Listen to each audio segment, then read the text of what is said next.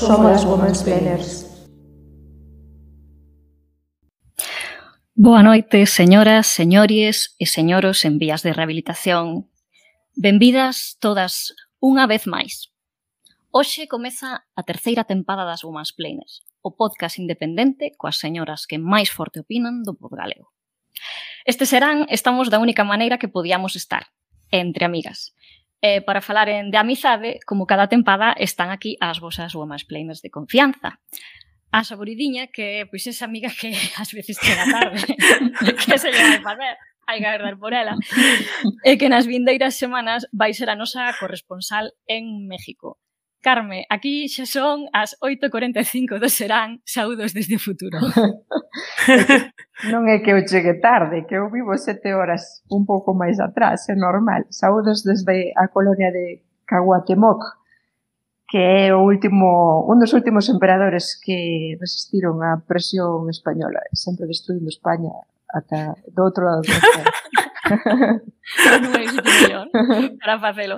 Tamén nos acompa... Tamén nos acompaña naturalmente a Sara, xa oístes, que espero que convidase todas as súas amigas, as as queens, as dilotatas, as do cabelo rosa. Boa noite, Sara, anda todas por aí. Yes. Boa noite. Espero que estean aí todas no chat e que poñan as súas cousas eh, de jazz queens, por favor. Moi ben. E por último, o noso, o noso asistente, Janito, Dis que o home coa voz máis abeludada e con certeza tamén o señor o con máis paciencia do podgalego. Como vai, Janito? Pois moi ben, eu ainda cheguei aí pouco das miñas eh, vacacións, estiven de viaxe por Francia. Bueno, por Francia en xeral non, concretamente estive en Disneyland París, un coa familia e moi ben, todo mm. fenomenal. Con gañas sí. de voltar ali e deixar de traballar. Eh, como, como as profesoras que nunca traballamos. Eh, xa sabes. Comprensible. Comprensible. Eh, pois Eu son a malvada profe, eh, xa me coñecedes, fago a imposición do galego polas redes e a imposición da lingua paia eh, nas terras de Castela desde que non me deixan impoñer o alemán.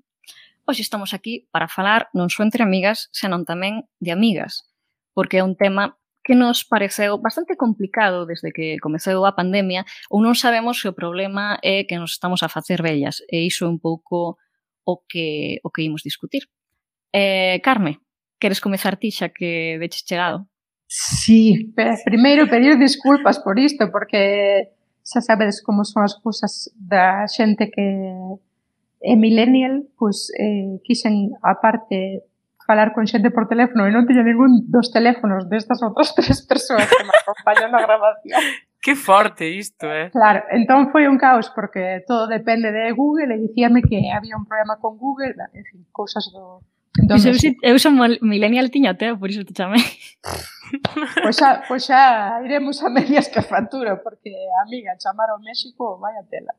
Eh, México, Marrocos e Cuba son dos países máis caros para, para chamar. Aí puxeches a prova a nosa amizade. Será por perres que os asturianos. sí. Entón, comezamos un pouco abrindo o tema de se pensades que mm, que hoxe en día é fácil facer amizades ou non. Con dicir, con dicir hoxe en día falo da, de 2022 ou de cada un a idade que ten, que tamén iso son un pouco factores, non? Que facilitan ou dificultan. Que pensades? Eu penso que según vas medrando, creo que como que se vole un pouquiño máis difícil facer amizades, pero porque xa tes como grupos de amizades pechados. Entón, vas facendo como amigas desperdijadas por aí e o que é complicado é facer como un grupo de amigos, non sei se me explico. Porque vas coñecendo xente nova en diferentes sitios e despois pois facer algo común diso é o complicado, non é como a cando ías no instituto, que, por exemplo, pois eh, a clase, pois as túas amigas da clase, xa estabas todas xuntas aí. Pero despois vas coñecendo cada vez xente de distintos lugares e integrar esas persoas novas no teu grupo de amizades que xa tiñas é o complicado, penso eu, máis que facer amizades novas en si sí mesmo. Non sei que opinades. Pois eu, sendo, sendo o día que estreamos tempada, non me podo reprimir e teño que dar cifras, como sempre. Vamos, danos datos, María. sí, números. Son amiga dos números. Pois, eh, como quizáis viste xa no artigo que vos enviei de The Conversation, fixeron un estudo en Australia sobre isto de, de facermos eh, de facermos amigas como, como adultas. E o 51% dos adultos australianos eh, padecen de soidade porque senten que non mm. teñen amigos ou que non teñen, quizás tampouco teñen unha, unha rede familiar especialmente densa como podemos ter os galegos por outra parte. Pero mm, é algo bastante curioso, non? Porque ademais comentaban que o efecto da soidade na saúde, o efecto de non termos amigas, era semellante a fumar 15 cigarros o día. En termos de esperanza de vida. É dicir, as persoas uh -huh. que teñen menos amigas viven menos. Iso é bastante interesante. E outra cousa interesante é, eh, porque a Sara está a falar de, cousas, de persoas que coñeces de maneira máis ou menos individual, eh, confrontando co que sería pois a túa panda, non de pois, da escola, do barrio, de, mm, da aldea, de onde for, non?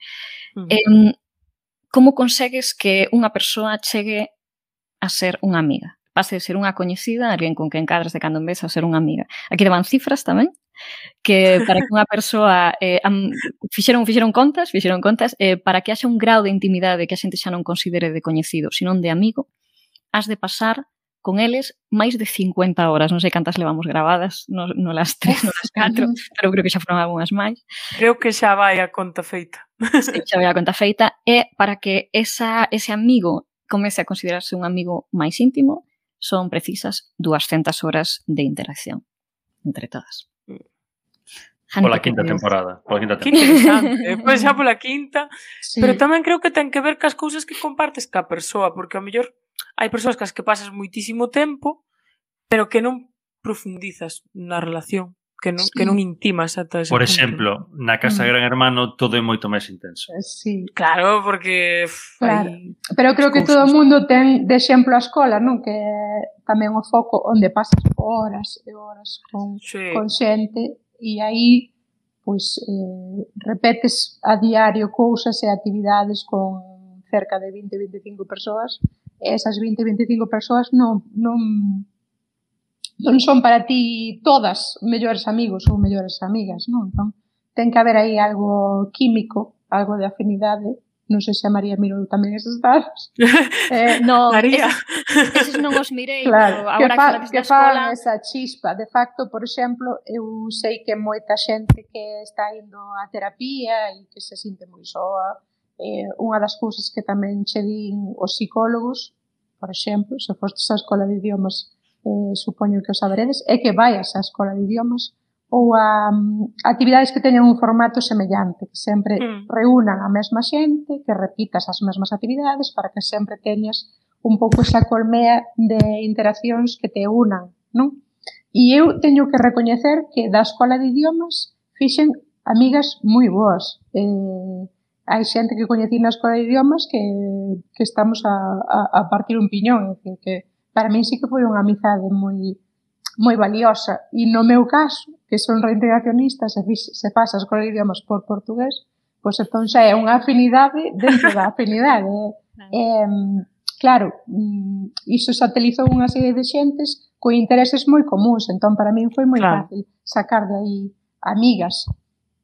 Hmm eu a propósito do, do asunto da escola, o que ia comentar, mm, parte como alumna, parte como, como profesora, non? Que son horas de convivencia moi intensa.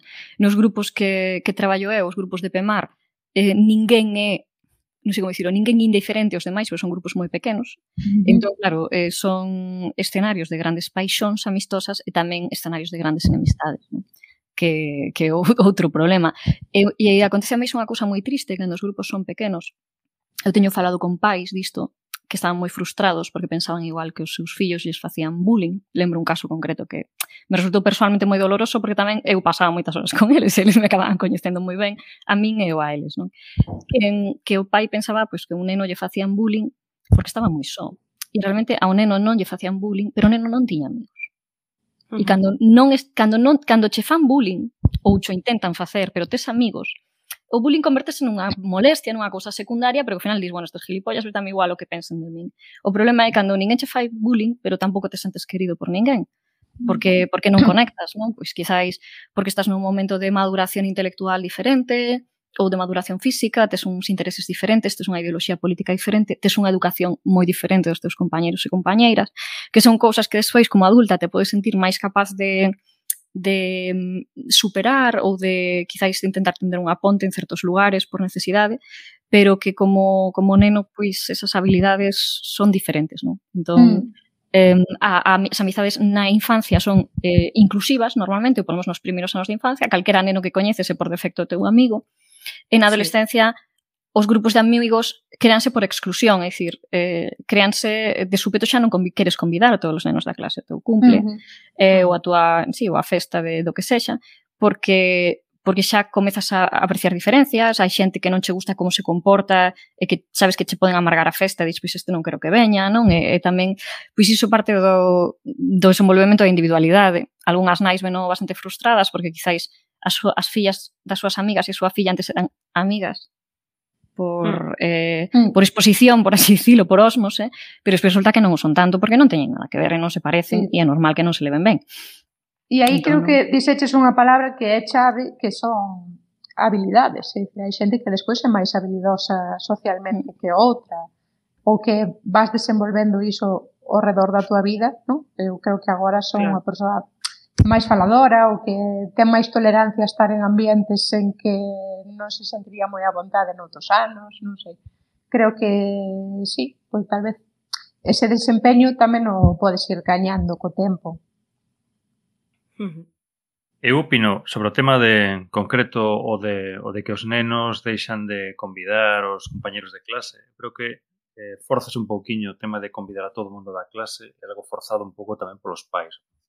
Pouco a pouco os propios pais pois van Eh, bueno, tamén sí é certo que os nenos teñen esa, esa iniciativa. Pero ademais non creo que sexa tanto ou sí, pode ser que sí. O tema de non, non ser tan doado a facer amigos porque xa teñas grupos eh, de amigos eh, previos, senón porque cos anos eh, perdes esa, esa espontaneidade na, mm. no de facer amigos. Sí que sigue facéndose amigos, pero xa non é como cando es neno, que claro. aparece alguén xa eh, de entrada é o teu amigo. É, é teu amigo. O sea, para neno no parque enseguida fan amigos, non? E despois, despois eu creo que nesto tamén existe unha cuestión que é meramente demográfica. É dicir, eu sí.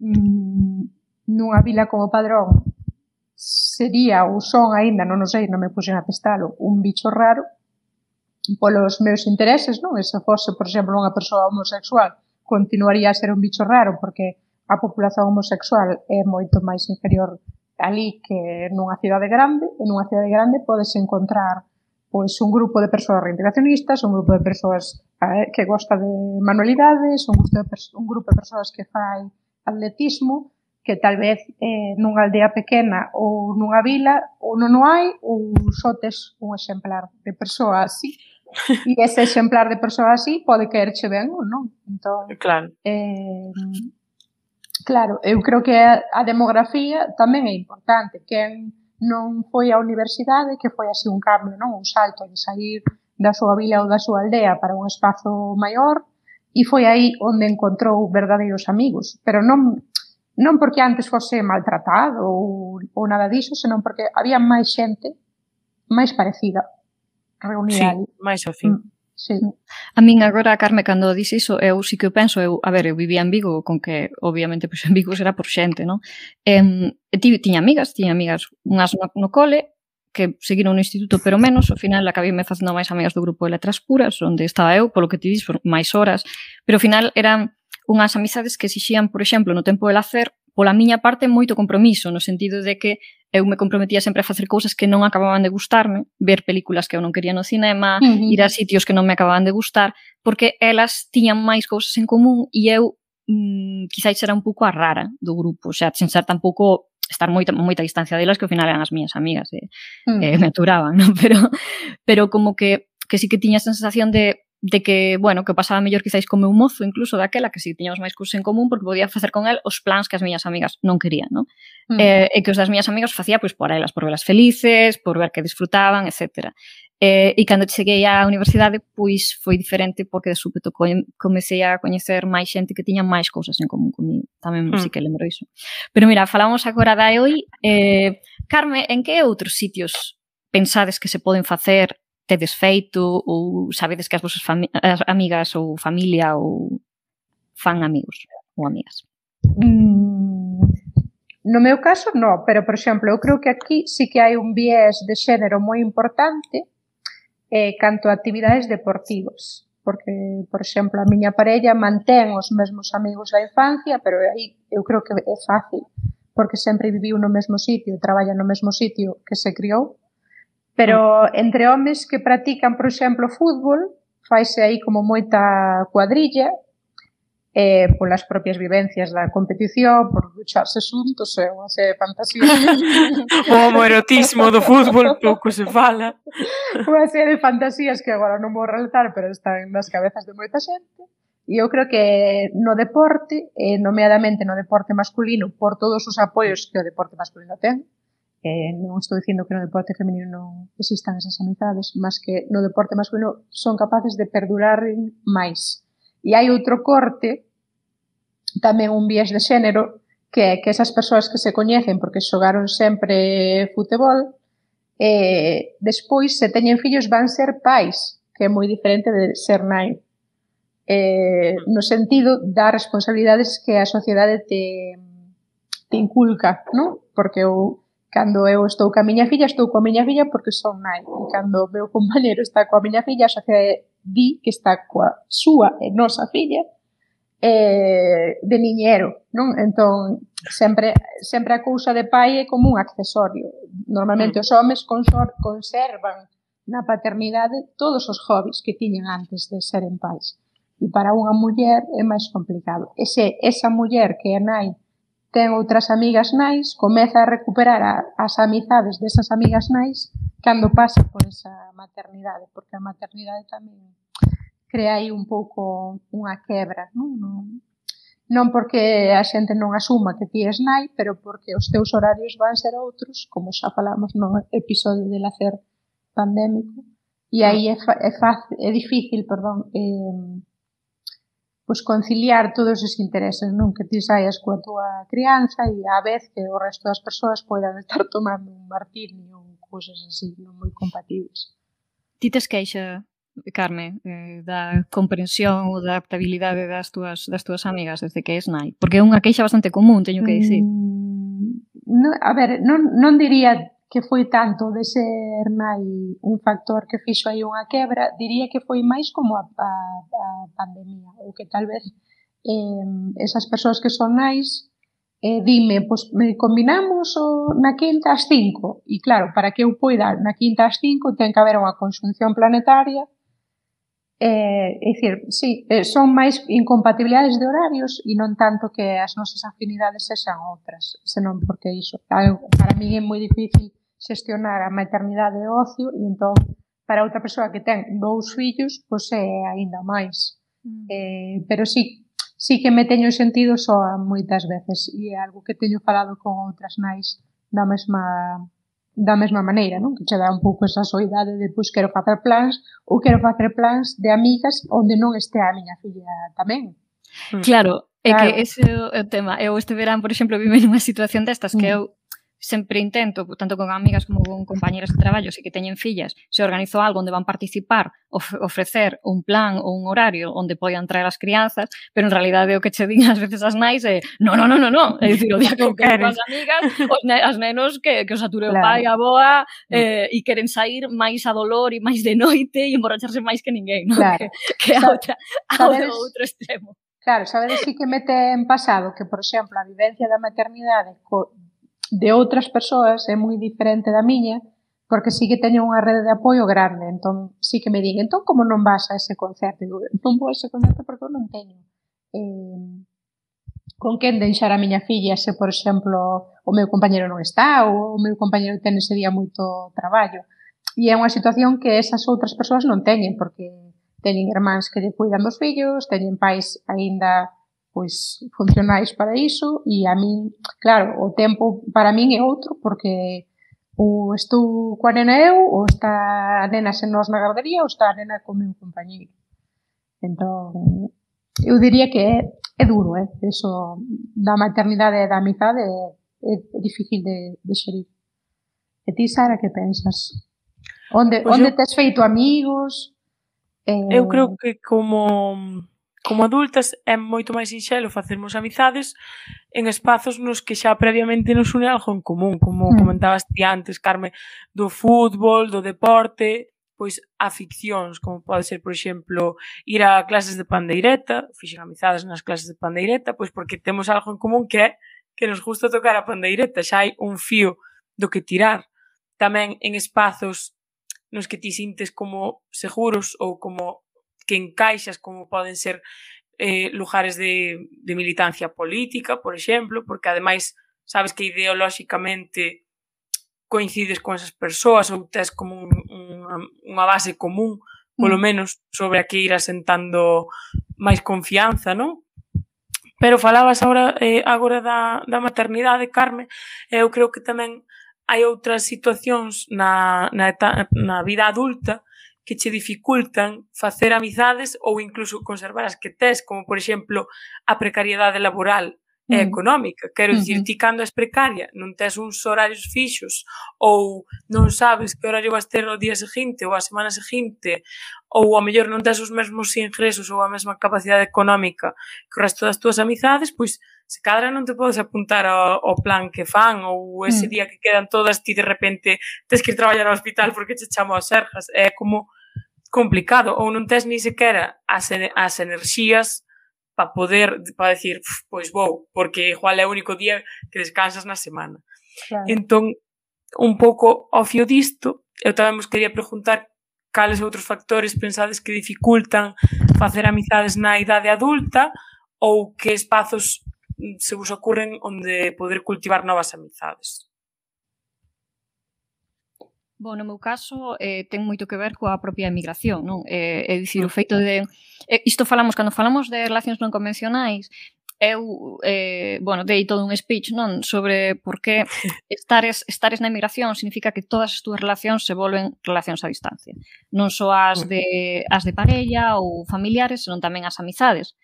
Um, e o asunto que ademais supoño que hai diversas maneiras de estar emigrado, hai xente que marcha a Londres ou a Berlín ou a, a, a calquera, non sei, a unha vila de Italia e queda ali 20 anos.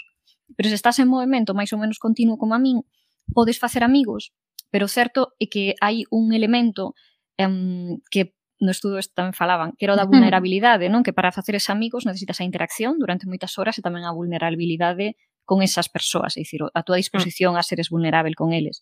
Porque a propia amizade te fai vulnerável, é dicir, cando ti sabes que vas estar nun lugar un ano e que te vas a separar deses amigos, iso dache pena, é dicir, ti estás é, é como unha a, amizade que pensas que ten unha espada de Damocles en riba, que pode ter que pode estar de alguma maneira condenada, non? É como ter unha relación, mm. un afer destes de unha aventura de verán ou algo así. Como unha data de caducidade.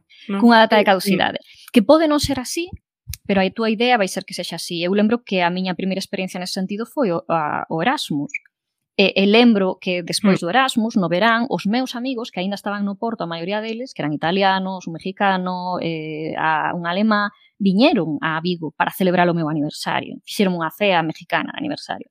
E cando marcharon eu chorei, porque me decatei de que nunca íamos volver ser amigos da mesma maneira. Porque eu mm. intentei con cada un deles manter a, a, o contacto e feito, bueno, de cando en vez ainda nos escribimos, pero a, o grupo disolveuse, lóxicamente, porque cada un volveu o seu, o seu lugar, non? E isto a min aconteceume en casi todos os lugares onde vivín. Eu podo dicir que penso que, e a máis isto é un luxo, non? Que cada un dos lugares onde vivín fixen polo menos un amigo que conservo. Mm. E iso é moito. Pero eh, pero cada vez síntome máis cansa, é dicir, en Zamora xa non eh, non, non fixe un esforzo de, de, de intentar facer ningún mm. novo amigo, non? É dicir, cada lugar onde vou chegando, estou cada vez máis cansa. Teño un amigo aquí, teño dous amigos ali, pero tamén quero coidar os que xa teño, e os que xa teño tamén moitos viven fora. Entón, todo o tempo que lles queres adicar para coidar eses amigos, para manter esa amizade, con cada novo amigo que sumas, que vai estar na distancia, iso vai requerir moita máis, moito máis investimento emocional, organización de tempo, etc, que alguén a quen ves todos os días porque vai ao mesmo barca a ti ou porque, porque traballa contigo. Mm. Que eu fixen moitos amigos, sí. dos amigos fixenos no traballo, verdade? Pero claro, é duro. E entón hai un momento en que xa estás canso, e eu xa un pouco tirei a toalla respecto a, mm. eh, dicir, levome moi ben cos meus compañeiros e tal, pero que en cultivar esas mm. amizades agora eh, a miña o meu plan é intentar ir máis a Galicia para ver os que xa están ali e, e cuidar máis os que teño na distancia porque teño a sensación de que os teño un pouco abandonados. Mm. O fío do que falabas, que entronca un pouco tamén co de Sara, porque eu fixen sustitucións pois unha data de anos e sí que me chamaba a atención xente bella dos institutos que que xa, xa me dicía abertamente de eu non me vou molestar en aprender o nome de ningún sustituto ou encarillarme como se, mm. se collese un hámster por unha semana por un tirase. Claro, eh, non me vou encariñar porque total eh, en 15 días se eh, marchades, pois pues mira, xa mm. non me aprendo o nome nin nada. Que nese momento pareceume unha crueldade, pero agora que pasan os anos mm, mm, son, son capaz de, de ser un pouco empática eh, con iso, tal vez. Eh, E despois o da precariedade ou non, pois tamén o sentín bastante, porque con esas eh, sustitucións, claro, tiña que estar de segunda a sexta, mm, pois non sei, pois teño estado de segunda a sexta en Berín ou de segunda a sexta en Láncara, en moitos sitios que non eran nin, nin Padrón nin Santiago. Entón, moitas das actividades que estaban desenvolvendo os meus amigos que eran entre semana, xa eu non estaba presente. E despois, no medio de todo iso, eh, botei un mozo que non era nin de Padrón nin de Santiago, que era de Ourense. Entón, cando eu vía os meus amigos de Padrón, era no fin de semana. Se vía os meus amigos de Padrón no fin de semana, non vía a miña parella daquela. Entón, sí que sentía que, que tiña que estar sempre escollendo. E escollín mm. eh, nese momento a parella, isto creo que María seguro que o entende perfecto, por dicir, ben, pois, po pouco tempo que teño nesta relación a distancia, porque é unha relación a distancia, Vamos facer unha relación de todos os fins de semanas, eh, ferias e máis feriados. E, e iso enfriou moito a relación que eu tiña cos meus amigos de sempre, porque tamén os meus amigos de sempre dirían, pois, deunos de lado, porque e agora está sempre co seu mozo. Eu non o vivín así, vivino como eh, que só teño dous días á semana, entón teño que facer mm. isto eh, atender esta relación neste momento. De calquera maneira, intentaba eh, manter as, esas amizades sempre que se podía, pero sí, sí que aí que foi pois un momento máis frío desa, desa relación. E sí que me ten pasado iso, na precariedade eh, de xente que dicía, veña, pois vamos, non sei, xente que ia dun, de un palo que eu non podía. Vamos esquiar, non sei que tantos Xa. días. Eu en plan, madre mía, sabes? Andorra, de excursión. Esquiar, eh, esquiar, Claro, ese é un dos, claro. dos artigos que vos puxen, o de mm. amigos con, non, que teñen eh, amigos con diñeiro e amigos sen diñeiro, é dicir que mm, claro. xente que di o de que cada vez que es convidan unha boda que botan a tremer, porque Uf, mm. sí, sí, sí. O teño estado supón... Claro, teño estado tamén en clubes de leitura onde ao final tamén se se ia a cear, non? E entón, hai veces que ia a cear e as escollas eran as escollas da maioría, onde a maioría eran castos funcionarios, E eu daquela, eu que sei, pois non estaba traballando sempre e dicía, wow, pois estou aquí un pouco por, por esa presión do grupo por non dicir marcho e que todo diga, e miña pobre marcha porque non ten a pasta.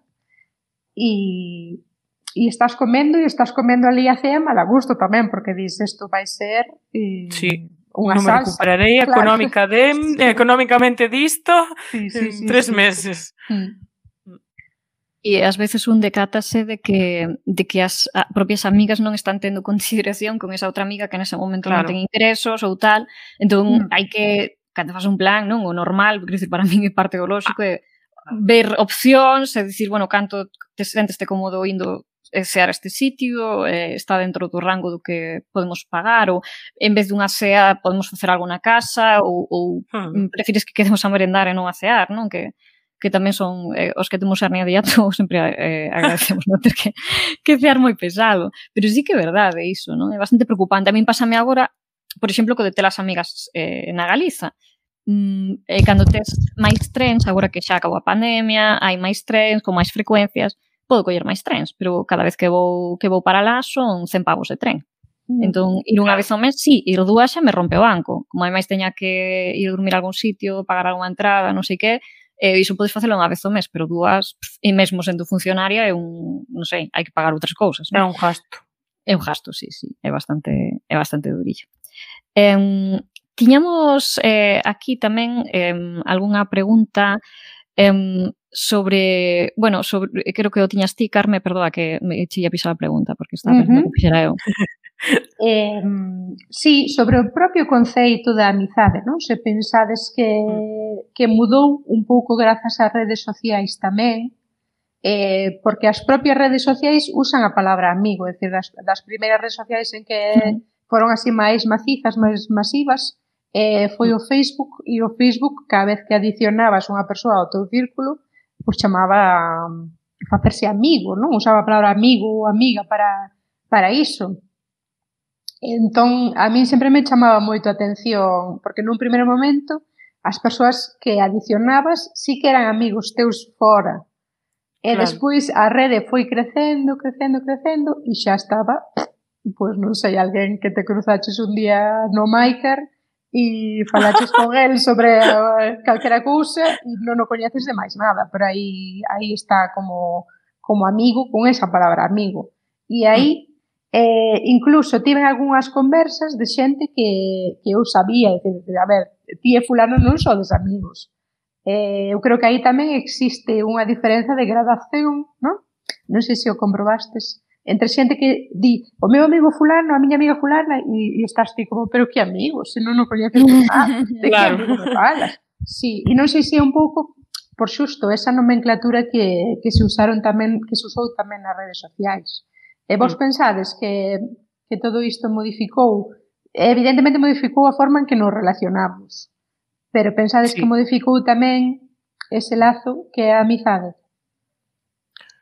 Eh, eu creo que cambiou sobre todo eh, a necesidade de presencialidade para que exista unha amizade. Quero dicir, eu, pois por exemplo, vos sodes un moi bo exemplo. Antes de coñecermonos en persoa, eu xa vos consideraba as miñas amigas por todo o que interactuáramos, por todas as horas de grabación que levábamos en riba, por todo o que faláramos, por todo o que nos contáramos das nosas vidas. Todas as bombas. a persoa.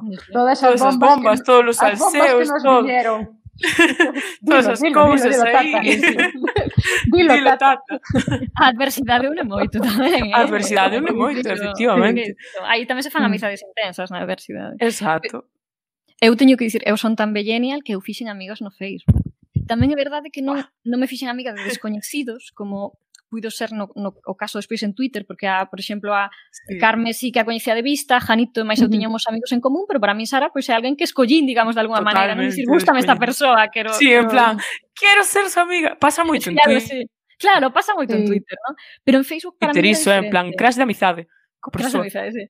Pero era como, en, en Facebook era máis eu amigo da miña amiga, por exemplo, ou amiga do meu amigo, e entón sí. engádoa porque vexo que mm. comenta cousas, parece mm. agradable. Mm. E entón eu sí que teño algunha amizade, vamos, da mesma maneira que antes ibas a unha festa e unha cea e estábamos os amigos mm. destes amigos e tamén ias ampliando claro. un pouco o ampliando tamén, un pouco Tamén social, é certo ¿no? que eu creo que Facebook eh, por eso eh, facilitaba un pouco máis pistas da intimidade das persoas, porque ti mm. sabías mm o que fala a malvada profe que me parece moi importante, que outras amizades tiña, é unha rede que está máis para fotos, para partillar música, para meterse en grupos, entón ti sabías eh, fulano meteuse no grupo de non sei que. Entón, aí xa sabías se esa persoa te estaba entusiasmando ou xa non estaba pintando a, costa, a cousa moi ben.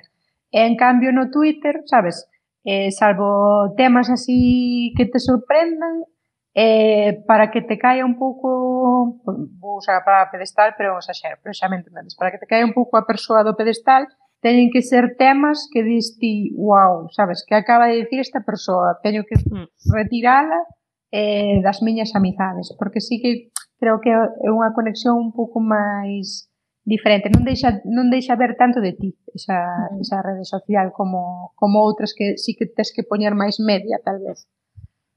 Mm. Eu quería eh, comentar varias cousas. Perdón, eu quería preguntarvos unha cousa antes. Bueno, queres comentar disto ou é outro tema? Si, sí, disto é do anterior. Ah, vale. Ah, dale, Felito, xa aproveita. A ver, a min con, con, coincidiume eh, mudarme, eu pasei de vivir en Vigo a vivir na Coruña, e eu vivino como, como unha emigración. Eu, a miña familia está toda en Vigo, e os meus amigos tamén estaban todos en Vigo, ou case todos estaban en Vigo que os meus amigos son amigos que teño dende hai 30 anos. Eh, e a raíz de, de mudarme a Coruña, eh, foi no ano 2004, non perdín de todo o contacto, de feito, perdín máis o contacto a raíz de, das paternidades e das maternidades, pero eh, sí que, bueno, pois pues deixei de estar con eles de cote e, bueno, pois pues na necesidade de facer novos, novos coñecidos, novos amigos, no traballo, non sintoniza moito coa xente e aparte eh, é mentira que a Coruña sexa cidade onde ninguén é forastero, porque é a Coruña onde todo o mundo é forastero. É eh, dificilísimo facer amigos na Coruña. Ti crees? Eh, sí. É sí. difícil, sí. Estou, sí. Para xente fora, convencidísimo. Estou convencidísimo. Pois porque eu agora sempre... mesmo xa teño tantos amigos na Coruña como en Santiago e casi sin pasar. Xa, pero non vives na Coruña. Xa, claro, pero non ves que fixeches por internet, que é distinto. Ah, e eu, ah, bueno. os amigos que fixe, a min coincidiume, que me mudei no 2004 a, a Coruña, e eh, a febre dos blogs en Galicia empezou no 2005. Mm. Entón, eh, bueno, pues, sí, sobre todo, os estouparon no 2005. Entón, eu fixen moitísimos amigos, en principio coñecidos, despois pouco a pouco amigos, eh, nos blogs. E aparte, como, como era unha rede mm, moi galega, os blogs, claro, eh, estaban unidos en torno á lingua, case todo o mundo vivía aquí, enda que había xente de fora, entón era bastante fácil quedar. E quedábamos e coñecíamonos en persoa. Entón, non só coñecías xente por internet, se despois quedabas. Cousas que, bueno, que despois, máis adiante, en outras redes, se replicou, non? E de aí, o sea, eu, eh, a xente que hai máis anos que coñezo de Twitter, de Facebook non o uso, pero de Facebook tamén, ou de calquera rede social, eu entraba en calquera, en calquera rede, eh, e buscaba sempre os, os, eh, os coñecidos que tiñas dos blogs ou das outras redes. Chuza xogou un, un papel moi importante aí na, no de agrupar xente, as xantanzas, que comenta aí, que comenta aí o Medareia, que tamén ven desa época. Bueno, eu creo que eh, o 20 ou 30% da xente que, que estaba nos blogs en Galicia traballaba en Vieiros, daquela, acordar.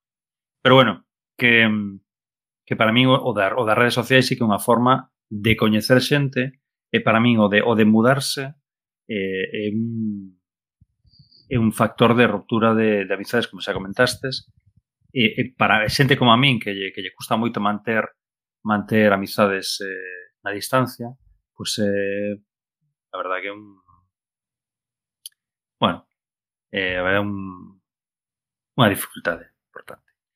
Un desafío, eh, a palabra de moda, un desafío. Un desafío. Sí, un desafío. Sí. Challenge. E despois eu onde, que entrar aquí a anécdota de onde fixen os meus amigos de sempre, fixen os meus amigos nun grupo de teatro. Que despois ah. montamos montamos un grupo de música. Algúns facía deportes, pero non éramos de, de non, non nos facíamos amigos polo deporte. Fixemos de deporte xuntos tamén. Fixemos moitas cousas xuntos. Eh, fixemos cousas que fai a xente de saída, claro. Eh, e nada máis. En os, en os bares, porque eu estaba emplorando agora... Buquísimo. O que mellores amigos da actualidade coñecinos nos, ba o sea, nos bares nunha época que fixen bastante vida nocturna en Compostela, mm. alrededor de Malas Pécoras o Medusa sí. ou Avante, e algunhas das, das mellores amigas que, que teño, os mellores amigos que teño agora, eh, na área de Santiago son, son nocturnos. Eu eh, esta... creo que nunca fixen amigos en bares. O sea, sí quedar con amigos en bares, pero de feito cos meus amigos de sempre saíamos pouco polos bares, quedábamos en casas casa de un, casa de outro, facíamos uh eh, -huh. e facíamos eh, eh, as acampadas ou calquera rollo, pero pero non non éramos moito de sair pola noite de bares. Despois na, na universidade sí, pero por exemplo, eh, conservo poucos amigos da, da universidade. Non, non, non fun quen de manter esas amizades. Aparte que íbamos pouco, uh -huh. por, iba pouco por clase, Entón, era Estaba difícil. Bueno, a ver, os amigos non se na clase, facíanse... Eh, no, no, aí non. Xogando sí, mus, xogando mus sí, na cafetería. Sí, sí. Eh, pero, hai aquí unha pero mira, fíxate que, que aí eh, é curioso, porque eh, xa non é esa primeira persoa que estuda Dereito que me di que non conserva amigos da, da facultade. Non sei se porque, pero eu non estive nesa facultade. Eh. Eu non estude en Santiago. Pero Dereito, en, en calquera facultade en que queiras, Dereito, No, eu creo que hai xente, xente na miña facultade que sí que conserva amizades. Eh? Eu vexo, mm, vexo que sí que... Eu creo que a xente que sí que xerce, sí que despois mantén o contacto e, e os que eran amigos manteran a, as amizades, supoño. Eh, perdoa, malvada profe, que estabas falando. Non, non a mí... Non se te escoita. No. Malvada profe, non se te escoita. Silenciaste. Se se desconectarías, agora sí. Que había, ah. eh, non, que había aquí unha, unha das nosas eh, ouvintes, Inés Dinamita, que non sei se é Inés eh, Besbelliña, que coñecemos, digo, porque vive na Coruña. Sospeito que sí, eh, que a coñecemos di que comparte a idea de Janito de que na Coruña é complicado facer amizades. Pensades que ten que ver coa estrutura social, Eu eu con iwa, como iwa Inés a coñezo dos mm. blogs, da época dos blogs, de Chuza. Ai. Mm. Igual que o Madrid tamén. Mm, pero eu sí que creo que ten que ver coa estrutura social, porque xa non é tamén a primeira vez que alguén me di que é complicadísimo facer amigos en padrón. E eu creo que é moi ah, complicado. Sí. sí. Ou, ou porque a xente fai como grupos porque, moi pechados, eh, non? Claro, ou, ou grupos... se é raro ou que te saes un pouco desa dinámica. No, mas imagina, eh, non... alguén, alguén ben novo. Claro. Porque, porque vin eu que, que dei tamén aulas en, no instituto ali. Entón, alguén sí. men novo. E é moi difícil que esa persoa nova entre en, claro. pues, nos grupos que xa hai, porque Exacto. levas, levas estudando oito anos cas mesmas persoas, entón xa Exacto. teñen xa teñen un grupo xa está o cupo completo de o listillo e deportista e todos os, os xa, cada un ten o seu papel de cada Spice Girl xa están completos nese grupo. Xa nese grupo xa non, non hai máis para ti. Eh, eh, sí, sí que me teñen dito, ou veces que levo eu amigas de fora a Padrón e digo, wow, eu que sei, pois no teu grupo casi non me falaron a min nada, sabes? Eh, sí, claro. Sí, sí. Eu, por exemplo, en Vigo creo que é moito máis doado facer amigos. Que sí que a xente cando ven de fora que sí que se lle integran nos grupos, por lo menos na miña experiencia. Viva Vigo para sempre, cago en tal. Me cago en tal. non podo, non podería xuralo, eh. tamén tamén me teñen eh. dito eh... o mesmo de Vigo, tamén me teñen dito ti que es de Vigo, Eh, ti ali como, como farías amigos? Digo, mira, non sei, non fixen amigos en Vigo desde os 16 anos. que no instituto. No, e os que tiña ali xa non están en Vigo, entón non, non, mm. podo, non podería xuralo para nada. Claro. A ver, a mí nese sentido pareceme, parecíame, continuame parecendo, moi valiosos os pois os centros sociais, é dicir, centros sociais sí. tipo, non sei, por colocar un exemplo a xentalla, sabes, se ti xa tes mm. unhas afinidades e ali faise pandeireta, estudase non sei que, hai cursos de fotografía e tamén se pode tomar unha cervexa. Creo que é moi fácil que vayas ali e encontres persoas eh, parecidas a ti. Parecidas, exacto. Sí, e quen di iso di unha asociación de veciños que tamén dá aulas de inglés ou que sexa, non? Eh, que te poida pôr en contacto persoas do teu mesmo bairro e a partir de aí vayas un pouco facendo piña, pero eu eso, eh, tampouco son a persoa máis talentosa para para facer amizades. Eh? Se me tivese agora que facer un grupo novo, sería complicado para mí. Hai xente que é moi resiliente eh, nese sentido, que eh, sí. por xe, coñezo moitos casos de xente que ten as amizades da súa parella. E entón pasa un rollo ella baila sola, como repartimos os amigos, porque a parella xa non vai máis para diante, entón a persoa ten que buscar outras amizades, porque todas as amizades que tiñen eran da parella anterior. Eh, Home, se aparella, se aparella persoa tamén podes conservar os amigos. No, pero, claro. son, pero son casos de eu que sei, pois eu fun ali porque a persoa era de Lugo, entón só estou ali mm. por esa persoa e agora xa non pinto nada máis en Lugo, marcho. Claro. Eh, teño que facer outro grupo, pois eu que sei, en Pontevedra, que é de onde eu son. Eh, en, eh, sei de casos de persoas que son moi resilientes que montaron outro chiringo outra vez. Eh, igual unha ou dúas veces na súa vida, eso bueno, eu, eu teño que dicir talento, eh. que, eh. eu teño que dicir que montei montei literalmente un clube social, o sea, un, cl un clube social co seu grupo de WhatsApp, as súas actividades e tal en cada un dos centros e institutos onde estiven. Eh, no primeiro non o montei eu, o sea, eu entrei, pero non o montei eu, pero noutros dous sí. Si Quero dicir que e, e incluso non houve que montalo dúas veces porque todos os que tomaron o primeiro ano marcharon prácticamente. Mm. Entón isto de xuntarse para ir ver películas en versión original, xuntarse para facer sendeirismo, xuntarse para ir de mm. cañas, mm. intentar como diversificar un pouco horarios e tipo de actividade para que todo o mundo se sentise tamén incluído, non? Eh, eh, pero é esgotador, agora xa non o fago, Claro, pero diversificar é o, é o plan, porque eu, cando aprobei... A Tonia, Cando aprobei as opos, eh, fun a un instituto facer ali as prácticas como funcionarían prácticas e tiña todo o mundo un grupo de WhatsApp varias esas movidas e claro, non vamos a meter a la embarazada que era yo eh, oh, porque por como eh, prácticamente todo o que se facía socialmente era sair, tomar algo eh, beber beber que eu creo que ese non o falamos e é tamén un factor super importante. E que xa o falamos tanto, verdade? Claro. Sí. E Temos pendente o programa do alcohol. Claro, pues pois de entrar sí. nun grupo ou non, eh, porque hai xente que xa se está no plan de vamos a ir beber, xa non convidan a persoa que non bebe, non vai a ser que me corten o rollo, digo, a persoa que non bebe pode ir, que as persoas que beben. Que eu. Eh, non lle pasa nada, eh, non se emborracha por osmose, nem nada deso nin, vos, nin vos fai a vos non subir a birra porque a outra persoa non beba. Eh, pero sí, sí, sí. Non, e ademais outra cousa, quero dicir, porque eu recentemente saín cunha amiga que non podía beber porque estaba tomando unha determinada medicación e eu hmm. non bebín, porque sí que tiña a sensación de que o tipo de persoa que se amargaría por non poder beber. Entón, eu, se non bebes alcohol, pois eu vou a ginger ale, non pasa nada. Eh, quero dicir, tomamos todos refrescos e xa está que non sei, non de, pero bueno, iso, o alcohol queda para outro día.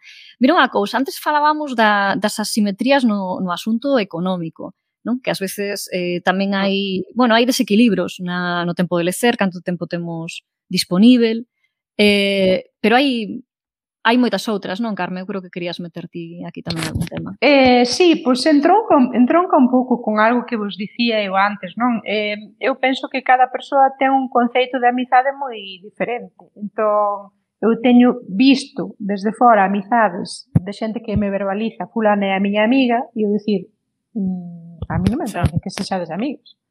E despois eu sí que teño experimentado relacións onde eu sí que penso que son amiga, moi amiga de fulana ou de fulano e despois mmm, polo decorrer da propia relación vexo que non é así ou tamén me ten pasado o caso contrario, de xente que me di wow, pois eh, mmm, non sei, de estar en institutos, non? O que falaba máis da profe. Despois coincido no mesmo instituto con outra persoa que xa estivo nese instituto e agora está de sustituta no meu e dime, ah, non volvín saber de ti desde tal e eu en plan pois tampouco pensaba que che debía, que che debía claro. nada a ti porque eu non pensaba que a nosa amizade fose tan importante para ah, ti sí. ou que fose sequer unha amizade E igual que pasa como no amor, non? Que hai xente que mm. ti consideras que gosta de ti ou esas cousas, eh, penso que na amizade hai ese paralelo, non? De, hai xente que quere moito e hai xente que non quere tanto. E, ou hai xente que está mal querida na amizade e eu vivi moitas frustracións desas. Non sei se vos pasou a vos algo parecido. Pasou vos? Si, sí, eu concordo contigo, Carme, porque que ademais a amizade non deixa de ser amor, é un tipo de, de relación afectiva. Entón aí xa pode haber unha asimetría polo mero feito que comentabas ti, que unha persoa sinta amizade con máis intensidade que a outra, mm. e que non sexa recíproco ese nivel de amizade. É moi frustrante, igual que cando pasa cunha parella, cando ti sintes que, que pa ti esa amizade é moito máis importante que a outra persoa, porque ti pos máis cuidados, porque ti pos máis tempo, porque das máis da túa parte, non? Pa, pa manter esa mm. amizade, mm. pa sostela, que a outra persoa. Mm. Vamos entón, usar a palabra sí. de a que busca, es máis solicitante ti, non? Exactamente. E ao, e ao é o típico de se non lle dixo eu nada, ou se non lle falo nada, ou se tal, mm. dá sin falarme catro meses, que non pasa nada, entón... Mm.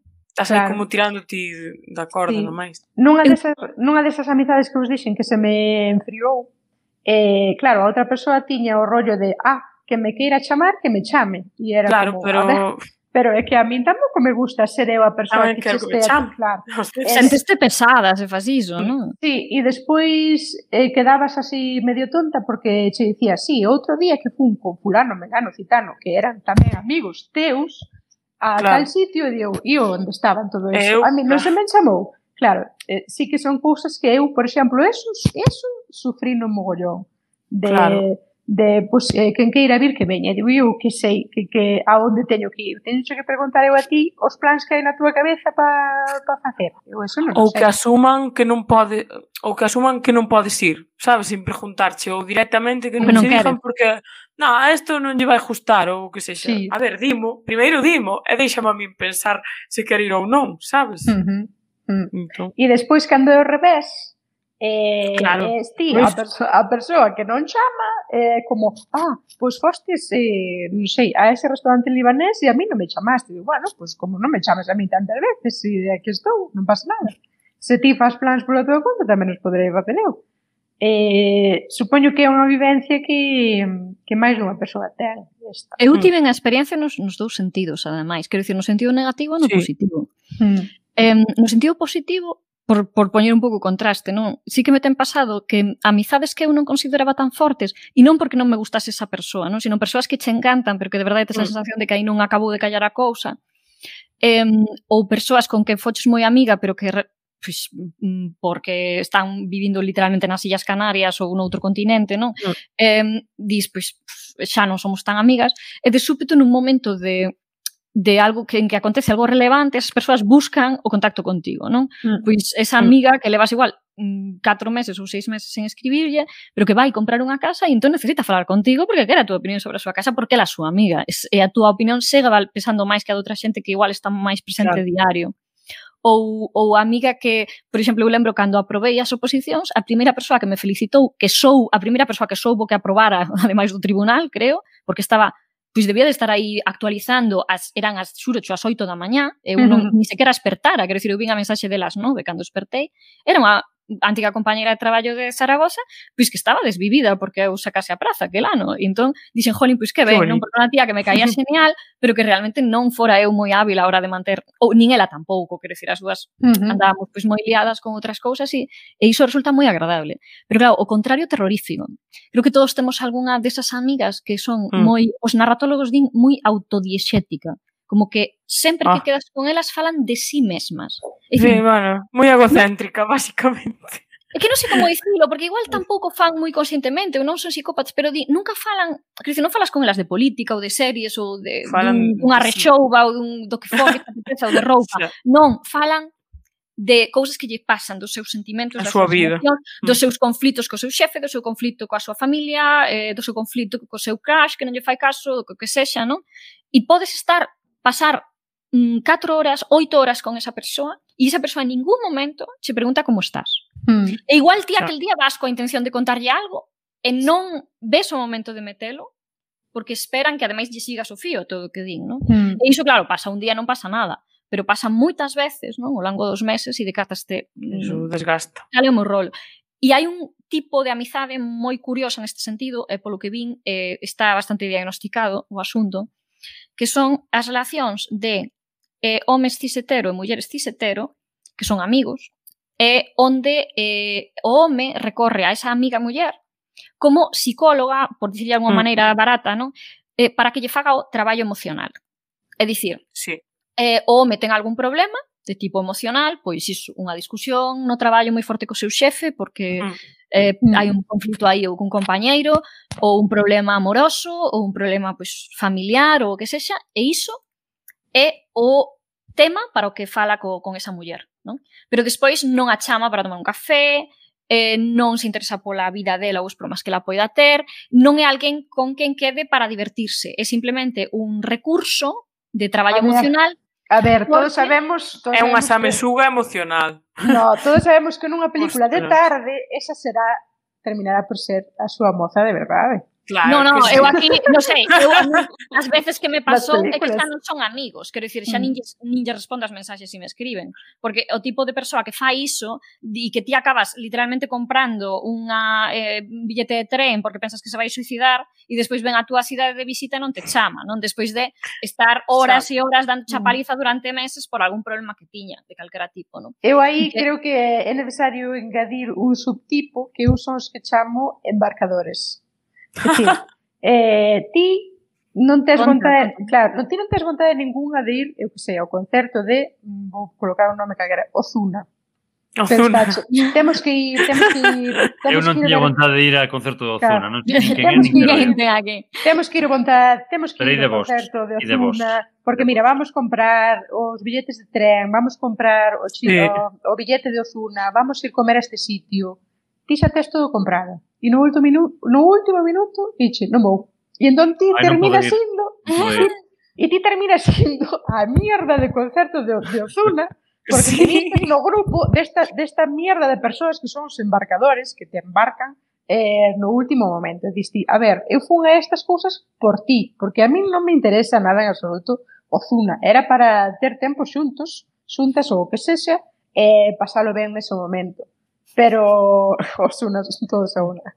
Eh, eh, non sei se, o sea, se eu, eu xa estive en dous grupos onde había unha persoa así e non, non é que eu estexa agora a facer, o sea, nin era unha persoa, eu entendo que en doenzas tipo a, como a depresión, eh, isto pasa moito, eh? Uh -huh, eh porque. Claro, porque hai persoas que se marcan moito como, mm, sí, desafíos sociais para poderen sí. sair de casa e no final suponlle moitísimo ir, ao final non van. Non, non, persoas que están do coco perfectas e que che fan isto, digo, a ver, eu cheguei a ir a sober a un a unha adega. A sober, a sober. Sober of all places. Claro, unha, unha persoa que non conduce, eu cheguei a ir ao sober a unha adega desas para un concerto, de, creo que hasta de Sidoní, que bueno, entre que, me, entre que me gusta non me disgusta. E despois, no último momento, menos mal que éramos máis persoas nese plan, no, no último momento dixo a persoa, a persoa da idea, eh? Dixo, sí, sí. Que, o, sea, o embarcador é porque é a persoa da idea. Eh, dixe, non vou. E diste, bueno, aquí estou eu debaixo dunha parra. Dios, vendo Sidoní claro, en sober. En sober, por ti, pero bueno, pois nada, quédame a cultura, está entrando a cultura, igual, estou aprendendo cousas de sober, pero Claro. Mm, eu pensaba no tipo do traballo de emocional, Ay, porque porque quero dicir que o, o que quería dicir era que todo iso se baseaba nun, nun modelo que era o que o estudo que non sei se o puxen tamén no, no documento que tiñamos, de que eh, o non sei se eran eh, 75% dos homes encontraban moito máis fácil falar dos seus sentimentos con mulleres que con homes e que de feito non se claro. senten cómodos falando dos seus sentimentos con outros homes. Porque admitir que tes un conflito co teu xefe que che quita o sono ou, ou un conflito eh, coa tua coa muller da que estás namorado porque ten outra parella ou algo así, te fai vulnerable aos ollos da outra persoa e non queres mm. que non che mm. importa mm. que a muller te vexa sendo vulnerable, pero que os outros teus colegas te vexan así, pois non che dá o mesmo. E iso, iso preocúpame, e ademais é que nunca deixa de pasar, eh? o seja, baixas no. a garda e de súpeto xa tes outro aí. E dices, ai, mira, eu mm. pensaba que éramos amigos, pero non. Era o teu, estaba facendo o teu traballo emocional. Efectivamente. E, e que ademais cousas como, por exemplo, as que dedicarme de, vale, vou a este sitio que non me fai moita gracia para acompañar a miña amiga, vale, está ben, pero que esas cousas teñen que ser recíprocas. Se és ti mm. a única que o fai, todo o tempo, entón esa persoa estás aproveitando de ti. Pois, hoxe por ti, mañá por min. Ten que ser así, penso eu, para que sexa unha relación bueno, equilibrada. Nin se aproveitarse. O embarcador este tampouco é para O embarcador, non sei. Non o embarcador é a persoa que che lía para despois non ir, sabes? Non sei, é un pouco así. Pero xa que estamos a falar de asimetrías, eu quería preguntarvos que vos parece o tema da idade nas amizades, porque eu creo que Por exemplo, no mundo laboral, eu coñezo a xente, a compañeiros de traballo, de idades moi diversas. Eh, na miña vida persoal, pois máis ou menos, igual o rango non é tan amplo, pero un pouco tamén. Teño amizades de rangos de idade un pouco diferentes. Entón, quería preguntarvos se credes que a idade tamén influen que haxa desequilibrios nos afectos ou se pode ter eh, algún tipo de influencia en que esa relación de amizade sexa asimétrica non sei que opinades vos. Contade. Eu hai, hai unha cousa que querería dicir que é que penso que o vexo un pouco diferente a como vemos ás veces as relacións de parellas, amizades. As amizades penso que poden ser máis diversas e que, mm. e que aos nosos amigos pola súa multiplicidade, digamos, e toleramos pois moita máis diversidade que as nosas parellas, non? Entón, eh, eh, en xeral, a asimetría nunha parella, canto máis asimetrías hai, máis complicado se volve. Como ben sabedes, eu non estou en contra sí. de eh, relacións con grandes diferencias de parella, ni moito menos. Pero eh, sí que é unha asimetría que se pode sumar a moitas outras, non das que falábamos, pois o diñeiro, da disponibilidade de tempo, as intereses, etc. Mm. Que acontece? Que cos amigos os roles son diferentes. Xa dicir, ti tes amigos co que o rol é moi de mirarse os ollos, que é moi fraternal, quizáis, en outros, pois, dentro desa fraternidade, digo porque para min os, os amigos son irmáns de alguma maneira. Pode haber un compañeirismo, pero tamén pode haber un, unha relación de irmán maior ou menor, non? Eh, eu tiven amigos maiores ou amigas maiores que a min que eran casi como mentoras de alguma maneira, non? Que te mm. orientan, que te guían un pouco. Eh, e despois, pois, o, o revés, non ti eh, a eles faz fase un servizo, eu penso, como me pode facer a min agora eh, amigos máis novos, non? Que che abren o mundo, que, que te axudan a entender un mundo que está cambiando, e eh, eh, para entender eses cambios tes que prestarlle atención a xente nova, se non tes amigos novos non entendes o mundo, ou, ou tes unha, unha perspectiva demasiado pechada dese mundo. E mesmo pois respecto a certas o sea, ideas políticas ou distancias noutros, noutros, o sea, política no sentido amplo, non? Eh, non me importa ter amigos con quen discorde porque tamén me manteñen un pouco áxil, non? Mentalmente pensando, mira o que se está movendo por aquí, non? Mira que ideas están xurdindo, mira, mira o que está lendo esta xente, mira, mira o que andan a dicir. Iso para min é importante. Entón eu, pois eu a verdade é que teño amigos desde xente moi nova, eh, até até pois eh, eh, xente que está xubilada, non? Porque os compañeiros de traballo unha cosa que ten pois ser claro. profe é que sais no mesmo grupo de social o que ten o que acaba o que está facendo as prácticas do máster igual sí. co que co que se xubila o ano que ven ou xa está en tempo de desconto e podía estar xubilado e tres mm. anos. Mm. Entón para min non é malo. Sí, pero eu pensaba que o teu punto era que a sociedade xulga diferente as amizades de diferentes idades que as parellas de diferentes idades. Pensei que... que ah, bueno, iso por suposto, claro. Iso por suposto. Porque non hai, non hai o elemento non sexual, si, claro. Sí, pero aí non sei se concordo, porque as vivencias de quen creceu nun sitio grande a ese respeito son moi diferentes das vivencias que poida ah. ter eu nun sitio pequeno. Dicir, eu vivín en Padrón e crecí ali e eu sempre lembro como con sorna ou con sátira, pois grupos onde de repente había, non sei, imaginade, xente que no grupo era de 16 anos e de repente no grupo entraba alguén de 30 para ser amigo dos de 16 anos. Porque claro, a ver, é que... Porque ese. Claro, pero eso é algo que se dá moito nun, nun sitio pequeno, porque non tes moito máis para escoller. De repente o de 30 divorciouse e métese claro. a andar. Claro. a crise dos 30. Claro, a súa nova adolescencia. Isto hai xente que é dun sitio grande que nunca o vai vivir. É dicir, eu de repente comentaba, ah, pois fulano enrollouse con Mengana e Mengana non sei que, e a xente, pero como? É dicir, como foron dar eses dous? En que momento, porque, claro. Claro, por, pois foron dar porque, mira, isto é el juego de pasillas, sabes? Eh, aquí queda, queda claro, queda un, queda un libre, non hai máis, e non vas a andar ti só, e o que hai é isto. Entón, de repente, unha persoa que che parece un muermo 20 anos, queda soa e agora é a túa mellor amiga porque é a que hai. E entón eh, eh, ten que ser iso. Eh, e ali sí que se xulga igual de mal, sabes, se ti tes, eu que sei, 18 anos e de repente tes un mozo de 30, xulgas igual de mal que se esa persoa é amiga túa, porque se dan eses casos que a sociedade lle parecen raros e danse por unha cuestión demográfica. Mm. Mm non pensar a piso contrario debía ser menos duro porque porque pois pues, será máis común a mm, mm, pois convivencia pues no. interxeracional, non sempre se claro. fala de que nas aldeas hai máis espazos de convivencia mm, interxeracional. Sí. Eu cando vivín en León, unha cousa que me gustaba moito dali, lembro comentalo con Toni eh, Toni Francis que está aquí no, no público, que, que era que nos bares estaba no mesmo bar o rapaz de bacharelato e o señor maior, quero dicir, como había unha cultura moi de bares, de tascas, de de, de sitios de pinchos e así, máis que igual sí. de discoteca, non? Uh -huh. O sea, que os rapaces non saían en discotecas, a maioría saían por uns bares que saían os seus pais sí. e curas os seus avós, había moita convivencia interxeracional e para min iso non é unha cousa chula, vamos, pareceme mm. ben, aínda que non se mm. misture, mm. eh? simplemente o fito de que estean pois, no mesmo espazo. No mesmo espazo. Mm. Pero, sí. pero aí depende un pouco do, da propia cronoloxía desa persoa máis bella. Eh, se esa persoa máis bella eh, está desempregada, se esa persoa máis vella puse o borracho do bar, se esa persoa máis vella divorciouse, é dicir, a xente xa o ve como este é un caso imposible e mira, foi, foi caer a este sitio, porque se non fose neste grupo non tiña nin con quen andar. Eh, que é diferente de, pois, eh, fulano de, de 30 anos pois eh, está moito metido en cousas de hockey e coñece estas persoas polo hockey.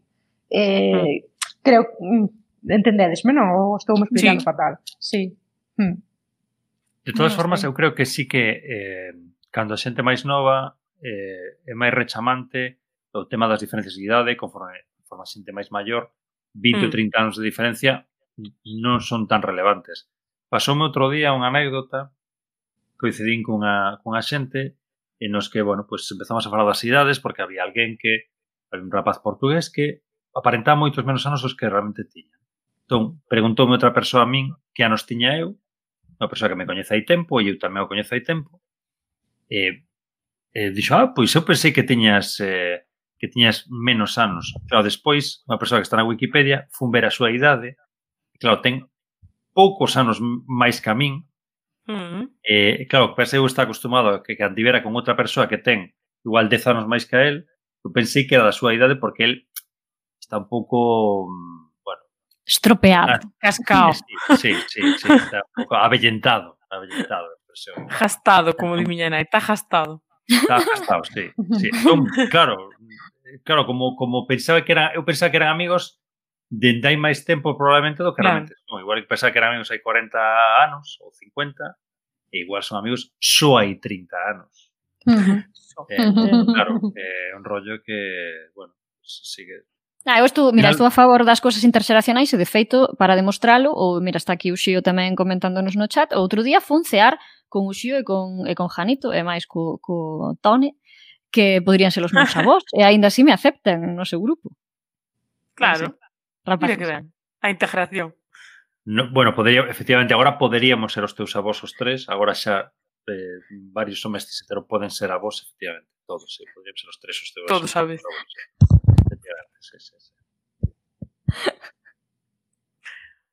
En fin, bueno, estábamos a falar de amizades persoa desequilibradas. Tóxica, persoa tóxica. Sí, tóxica, sí, exactamente. Eh? Tóxica, Marín. Todo o mundo ten unha amiga como a min, unha mm. amiga tóxica. Unha amiga tóxica. Eh, falemos diso. Falemos das malas amigas, das amigas tóxicas. Agora que pasamos xa da hora, falemos das persoas tóxicas. Sí, sí, sí. Exacto. Agora, agora que, que a xente xa foi dormir. Eh, sabedes recoñecer os sinais de algunha de algunha amizade tóxica? É dicir, tivestes algunha que agora se digades aí esta é a bandeira vermella que me di a min, o sinal de alarma, que me di bota a correr, esta non é a túa amiga. Hmm. Mm. Como, como o piropo tóxico, non? Ese tamén de... Sí. Mm, non sei, eh, a ver, vou inventar calquer cosa. Ai, que ben te queda esa saia bueno, non che fai as pernas delgadas ou algo así. Non que é como sí. a saia é preciosa, pero ti tes, eh, de repente sabes que tes unhas pernas amorfas, porque xa cho acaba de dicir tamén. Claro. Eso, comentario sobre o teu corpo. Eso? É que chos disimula, que chos disimula afortunadamente. Mm. Horrible. Red flag, super red flag. Que faja comentarios nese sentido sobre o teu físico. En plan, bueno, a verdad é que uns quiliños non che facía mal perder. Pues, O típico eh. comentario, ah, a amiga. Mm". Eu hai unha, unha bandeira vermella que teño que é que non os amigos que non se alegran dos teus éxitos. Ai, sí. Mm. Os amigos sí. envexosos. Non sei se eu teño ou tiven eh. algún agora mesmo, pero sí que o teño percibido en persoas da miña contorna, non? Non, non se alegra, é dicir, intenta sempre mm, eh, facer pasar por menos o mérito de alguén como sí. esta persoa conseguiu isto e eu digo, bueno, pero é que tal, non? Eh, eu desfeito esta, cando te chaman a voz de, de aquí, xío, perdón, o xío. Non quería ser tóxica, era unha bromiña. Eh, eh, eu, sí, por, penso, por exemplo, eh, bueno, eh, por lembrar, non? Unha amiga que estudou comigo eh, hmm. e, eh, e un día dixo en público, non sei se si, si ata puxo por escrito no Twitter ou, ou o dixo diante de outra xente, non? Bueno, xa non é amiga, tamén hai que dicilo. Pero na que un comentario algo eh, pois a, a propósito dos resultados académicos, non? que no meu caso eran moi bons e no seu eran pois, moi xustos, dixo algo así como, bueno, que ti sempre foches moito máis chapona que a min. E eu estive por dicirlle, eu o que sempre fun é moito máis intelixente que a ti. que é algo obvio, claro, quero dicir. eh, porque o chapona non era, eh, pero claro, pero... É, eh, que se tiña que alegrar Claro, sí, pero non lle dixen nada, porque pensaba que non, de verdade pensaba que non merecía unha resposta ese comentario, non? No. Pero es eu, pero quizais é o único así que lembro agora mesmo, pero es esa mm. xente que non se alegra cos amigos e que non e que non son agradecidos tampouco cando os amigos lles fan, non? Eu eu sí. penso nun tipo de amigos que a meis eh, se cultiva moito ás veces na adolescencia, te que calas a xente ou porque a xente está cambiando. Sí. Que son as malas influencias, é dicir, todos temos Todos tivemos ese amigo, amiga ou ese grupo de amigos que te animaba a facer cousas que non querías facer. Hmm. Que te presionaba para facer cousas. Sí. Que te vías obrigado a mentir por, por sí. esa persoa. Incluso que te acababa convertindo, cando estabas con el ou con ela, nunha versión de ti mesma que non che gustaba. Hmm. Eu só hai unha vez na miña vida que de verdade participei de algo do que me sinto profundamente avergoñada porque a mí xa tiña unha idade Quero dicir, eu acababa de entrar na universidade, non era unha nena de 12 anos, tiña 18, sabía que aquilo estaba perfectamente mal. E, e foi unha situación que eu hoxe en día xa trataría, se non de bullying, casi. Quero dicir, de, de bullying igual non, porque a persoa nin se decatou, pero eh, que me convidaran a unha cea na casa de alguén era a curma dun amigo dun amigo, hmm. dun, dun, dun tío do meu grupo de amigas, que non é o mesmo, non, non era amigo meu. E, e estábamos todos aliceando no Nadal, E de súpeto viña unha convidada, unha persoa que alguén convidara a aquela casa uh -huh. a vir cear connosco. Pero eh, convidara quizáis sin poñerse de acordo con todo o grupo, había xente que non lle caía ben de todo, e entón esa persoa chegou, chamou o timbre e non lle abriron. E eu estaba ali dentro. A mí parece moi mal, pero non dixen nada. Que no. eu agora famo hoxe e hoxe saio pola recollo as miñas cousas, saio pola porta e digo, mira, están aí dentro, se queres imos ti máis ou tomar algo. Pero eu estaba super incómoda porque xa xa estaba un pouco, eran esas amizades que xa se estaban enfriando. E había, ah. a, e conseguiu que lle abrise alguén abaixo e cando timbrou arriba e nos estábamos dentro, a xente en plan, non faga de ruido para que non saiba que esteamos aquí, non? É dicir, eses son os amigos que ese día souben que xa deixaran de ser os meus amigos e xa nunca máis, non quedei con eles. Eh, non sei se tiñades así algunha mala influencia, alguén que vos animara a facer cousas que das que non vos sentides orgullosas. Veña, momento confesións. Eu sí, e non, xa mm. non que me animase a facer cousas das que non me sentise orgullosa, senón que tiña que taparlle todos os seus alceos, o sea, todas as súas mentiras, eu tiña que estar aí cubrindo o cu, sabes? E a min eso daba unha mm. ansiedade que eu é que, é que non podía máis, eu, eu non quería estar metida nesas movidas, eu quería vivir tranquila, pero todas as mentiras, por exemplo, que lle contaba a seus pais, que algunha sempre contamos na adolescencia, pero que esta persoa concreta é que me metía en todos os frejaos, en plan, eh, sí, se, se te pregunta a miña nai, dille que estaba dormindo na tua casa, eh, eu, en plan, esa, esa, esa, poñía, fixeron, mamén, esa fixeron, eu xa me poñía negra, tío, eh, eu poñía e eh, cando... de, de todos os colores, de verdad, eu non quería chamaba, saber nada. Chamaba nai por teléfono, en tempo dos fixos, chamaba nai por teléfono, tiñas de que dicir, non, é que foi isto é que está no baño. videoclube, ou non sei claro, que, estou escuchando, eu que sei, tiñas que inventar algo. Eu, no, tío, é eh, que non quero, non, que, que necesida, Non quero que me uses de tapadera. Porque ademais mm. despois mm, era a súa maneira, sabes? A amizade era así moi relativa. Na, Parece que só sentido... me usaba como excusa, sabes? Nese, como... nese sentido non o vivín así, Guardaba. pero sí, pero sí mm. que sí que considero que si me vin igual saltando de fases eh, por culpa de presións de amizades, fases en donde eu non me sentía cómoda, é dicir, pois comezar a beber, comezar a sair pola noite, decir, era un momento en que a min aínda eso non me apetecía, ni me chamaba nada, pero mm. como o resto do grupo sí que o facía, pois ali estaba eu, mm, tomando un cubata de Malibu con piña que dicía, oh, pero si sabe a mierda pura esto, por que debo estar aquí? Claro, prefiero estar na miña casa vendo sorpresa, sorpresa que estar aquí bebendo isto. Eh, sí, sí, un pouco así ese salto, non? De, de cousas que se supón que era da vida adulta e a min aínda non me despertaba ni, ni ningún interese e son cousas que da vida, son da vida adulta e que tampouco me gustan eh, agora pero que me vía un pouco presionada por, ah, pero que, non sei, vámonos maquillar todas, e eu, bueno, que me estás contando? Xa, eu, eu non, plan... Ver, claro, sí, ou, ou cousas desas de, non sei, ah, pois todas estamos usando o suxeitador, ti non? Que idiotas, non uso suxeitador aí sí.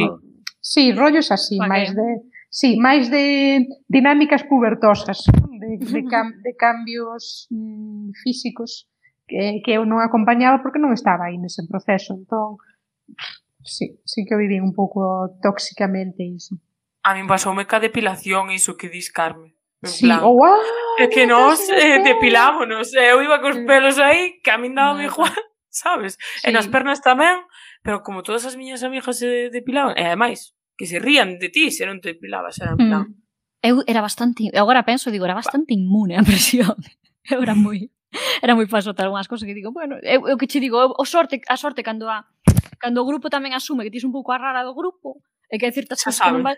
Xa saben, é como nin intentan. claro. Non, como, non, non intentan, pero sí, ás veces incluso presionarme, eu lembro unha cosa para ter pois contactos con rapaces, non, non sexuais, porque iso, cousas moi sí. de pubertade, de 12, 13 anos, pero de por que non vi casa. Este, bueno, me gusta, eu non teño especial Tamén. presa tampouco. Uh. E ti, Janito, interésame saber a túa vivencia como home, porque creo que a, presencia, a presión de grupo para moitas cousas entre os homes é diferente, que, que moitos homes senten que se transforman en grupos de amigos así fiseteros dese tipo eu mm, vivín grupo mm, non sei tóxico, pero sí que mm, menos interesante cando cheguei á universidade. Eu eh, medrei nun entorno nun entorno mixto, sempre, eh, escola pública, eh, bacharelato tamén mixto, lógicamente. E cando cheguei á universidade, eh, estive durante un ano nunha residencia e había moitos rapaces que viñan Mm, de entornos segregados. E, e vivín ali eso de eso de das, eh, das machiruladas foi o ano que vivimos con máis intensidade. O sea, foi para min, o sea, abrirme un mundo a un mundo novo e, e peor neste caso. E sí que, bueno, tampouco é que me levaran polo mal camiño, xa vai un pouco só, pero sí que, bueno, había certas cosas que que eran realmente, realmente chungas, sí, francamente. No, no, no. Hmm. É que estamos falando sempre do patriarcado e hai outra cousa vomitiva que é o fratriarcado. Uf, que Eu creo que son dúas caras da mesma da, da mesma moeda. Non son moi. Mm. Sí, é o mesmo realmente, non non, non creo que sexa algo eh bueno, unha, unha das manifestacións do, do patriarcado. Bueno, de feito, a ver, un dos rapaces que estaba ali eh, era... O sea, xa, xa tiña o pelo longo, pero era neonazi, basicamente. O sea, era, era neonazi. O sea, que, bueno, disimulaba, disimulaba un pouco. Disimulaba levando guedellas, ou que? No, el tenía pelo, tiña pelo longo normal, non levaba pelo rapado. Pero agora non son neonazi, pero levo, levo no, pero é verdade que na nosa época como que, que os neonazis levaban iban de skin. Sí, sí, que sí, agora é un look é un look case máis da de é moi eu, eu coñecín, coñecín Bueno, dos, hai as dúas versións. Hai dúas versións. Eu, hai, eu coñecín sí. dous neonazis.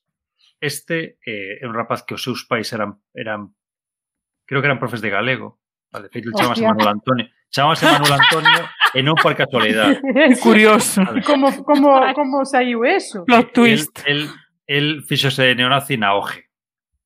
Que oje? Unha, un sindicato? a organización juvenil española é unha cousa unha cousa de época de Cade Franco que non morreu no ano 75. Vale? Entón, ah, este Como rapaz, tantas. Este mm. rapaz fixose, fixose neonazi na hoja. Despois coñecín outro, este rapaz que vivía eh, vivía entre vivía en Madrid e en Barcelona, este dunha familia de, de bastante diñeiro, e que este era o típico que por Madrid ia paleando xente. Claro, este tamén, uh -huh. cando coñecín eu, xa non levaba o pelo rapado, eh, tanto un como o outro dan así unhas vibes un pouco chungas. Chungas, pero bueno, se non saía o tema de tal, non te decatabas. O sea, son xente que... Se si non eras negro, non te decatabas. claro. No, a ver, si claro, gay, non que, o, que, o que estudou comigo, sí que pasei máis tempo xunto con el, pero, eh, claro, foi durante nove meses. En cambio, este outro coincidín con el un par de veráns eh, primeiro ano que o coñecí, bueno, rapaz, majo e tal, bueno, non sei que. Sí, bueno, porque tampouco apareceu así o tema, ni un tema conflictivo, conflictivo entre aspas, non, non, non mm. saliu ningún tema así no que el manifestar a súa opinión abertamente. Porque tal. ti non eras conflictivo, quero dicir, porque se ti tivese sido negro, sudamericano, homosexual... Claro, claro, bueno, tal, evidentemente, claro. claro. claro, si eu entrara dentro do tal... Eh, bueno, unha persoa que ten parte de moitos problemas, no, non económicos, pero si sí outro tipo de problemas. Pero bueno, eso, outro programa. Eh, eh... Queremos falar de algunha cousiña tóxica máis? os celos, os celos nas amizades tamén é unha cousa moi tóxica da que hai que falar. Tiña unha amiga que que me facía como un pouco o vale, como explicalo? Cando eu quedaba con outras amigas distintas que non era ela, non me decía que lle sentaba mal directamente, pero despois, a continuación, facíame como un pouco baleiro, ou como que me contestaba mal, e así. Por que? Porque estaba celosa. E iso é unha amiga super tóxica. Que xa non é miña amiga tamén, que casualidade. E que producía os celos nela? Eu supoño que non ter a total disponibilidade do meu tempo, porque era unha persoa así de era tóxica tipo, no, tipo e absorbente. Novia. Sabes, no, era unha persoa absorbente que como non estiveses cando ela quixera, para o que ela quixera, para todo, mm. era como que xa, uf, uf, xa estaba mal. Eu. Mm. E cando era ao revés, non, cuidado. Que ela podía ir con seus grupos de amigas, con quen fose, que eso estaba ben. E Pero que eso de estar, non. de estar disponible é moi importante. Eu sí que recordo de unha amizade que tiñe eu na infancia, cando era destas cousas de que te tiñen que chamar o telefonillo para baixar que é dicir, er-, era como bueno, xa son as oito da tarde xa estivemos moito tempo xuntas e eu teño que subir para casa para facer os deberes e, e como que lle parecía mal eso. Claro. o dicíache, e mañán baixamos? E dicíalle, no, porque pasado hai exame de non sei que, quer estudar e xa se puña toda roñosa de ah, pois nunca queres baixar, nunca queres facer non sei que a ver, que teño outras responsabilidades que non son eh, baixar contigo. E sí, sí que vivín algunhas amizades así de mm, tesme que coller o teléfono ás 5 da mañán, que atención, que teño o teléfono en modo avión, non me chamo da mañán para eh, porque ás 5 da mañán pasoume esta cousa que é emocionalmente urgentísima para min, eu chamei ás 5 da mañán e resulta que non estabas. Eu, mm, pois non, porque ás 5 da mañán durmo. A xente dorme, claro. sabes? Pero ese, ese grandísimo problema que tes ás 5 da mañán, continúalo tendo ás 11, eh, podémolo tratar ás 11, pero xa salle supuña un... Sí, como se estiveses dando de lado ou non lle estiveses dando moitísima atención. Eu, a ver, Casito. Pero, claro, non, non é que non te estea dando atención, é que necesito facer unha cousa necesidade corporal que é poñer o meu corpo a descansar no tempo en que ti me estás a min eh, recriminando iso.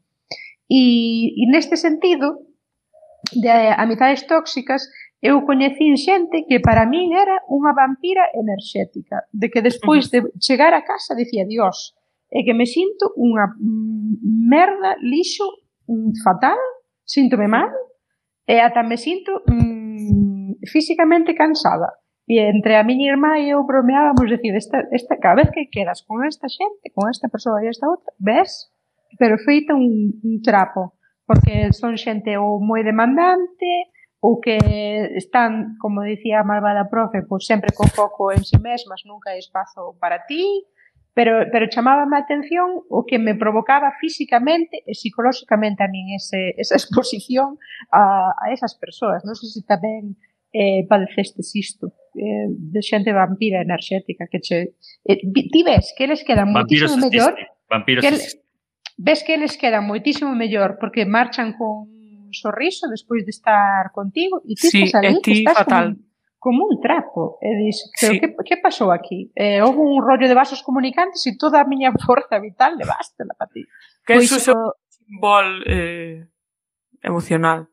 Pois o exemplo que che puxen antes, Carme, de, de, de persoa esta con quen pasaba tantas horas, tantas horas, que sempre falaba de si mesma, pasábame iso. Mm. Porque ás veces eu ia con esa procura do amigo, non? Da, da, da, do ombro amigo un pouco para as poucas veces que eu, porque eu poucos problemas tiven, a verdade, nos últimos anos, pero nun momento puntual tive unha xefa nova que me estresou moito ao principio do curso, despois pois unha persoa que eu que eu quería moito morreu, suicidouse e entón eh, nese dous momentos que eu necesitaba axuda a esa persoa, esa persoa que sempre estaba como mm, que eu sempre estaba para ela, digamos, que podía pasar millóns de horas falando conmigo, eh, non estivo para min, non? E, e incluso lembro que ia xantar eu con outra, con outra compañera de clase un día, e como ia ir ao restaurante que ia sempre con ela, por se atopaba con ela, preguntei a miña amiga, non sei se chamala ou non, a compañeira esta, e dixenlle que teño unha comunicación rara con esta persoa. E esa amiga, que sí que segue a ser amiga, que era unha boa amiga, viu a conversa, dixenlle, necesito que xulgues ti estas conversas do WhatsApp. Ela viu unas e dixome, mira, eu esta persoa non quero coñecela, así que se si estabas dubidando en chamala, se a chamas que sexa un día que non estou eu, porque igual lle dou unha hostia. E eu, ah, pois igual é o momento de sair daqui.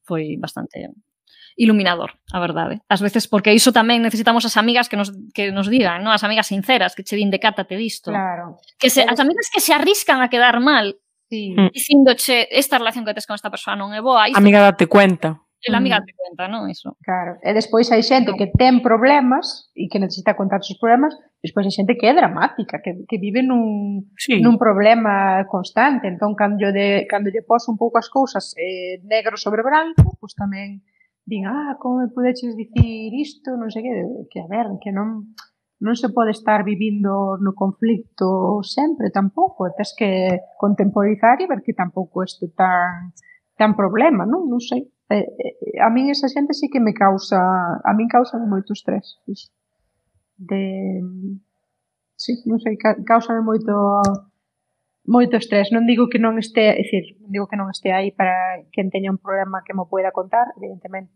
as portas están abertas, pero pois creo que hai xente que abusa eh, desa confianza e que, e que está seguido no foco sobre sí mesma. Mm. Bueno, pois eu creo que con esta mm, esta idea de que, de que as amigas son moi boas e cando deixan de serlo hai que deixalas marchar. Podemos pasar, se si queredes, as, as dicas culturais. Eh, creo que o Janito quería, quería dar algunha, non se querías recomendar series, filmes, eh, películas... Sí, eh... eu quería falar de, de series, eh, series que Teóricamente, o sea, non son series nas que normalmente se, se fale delas como modelo de series eh, de, de amizade, pero eu creo que, que sí que o son. Por unha banda, eh, todas as series eh, adolescentes adoitan ter un, o sea, as coming of age, adoitan ter un componente importante de, de, de amizades e tal. Mm. Eh, agora mesmo, eh, pois, pues, Stranger Things sería un exemplo, ou Sex Education, pero eh, gustaríame máis recomendar unha que, que moi coñecida, pero que non é tan tan sí que é moi coñecida, pero igual non é tan tan coñecida como Freaks and Geeks, que é unha serie que non tivo moita sorte, que non, non tivo máis que unha tempada, e que a verdade que é unha serie super recomendable, eh, bueno, xa o, o propio o propio título eh, revela un pouco do que vai, non? Vai unha serie de, de rapaces de rapazas de, de instituto, non?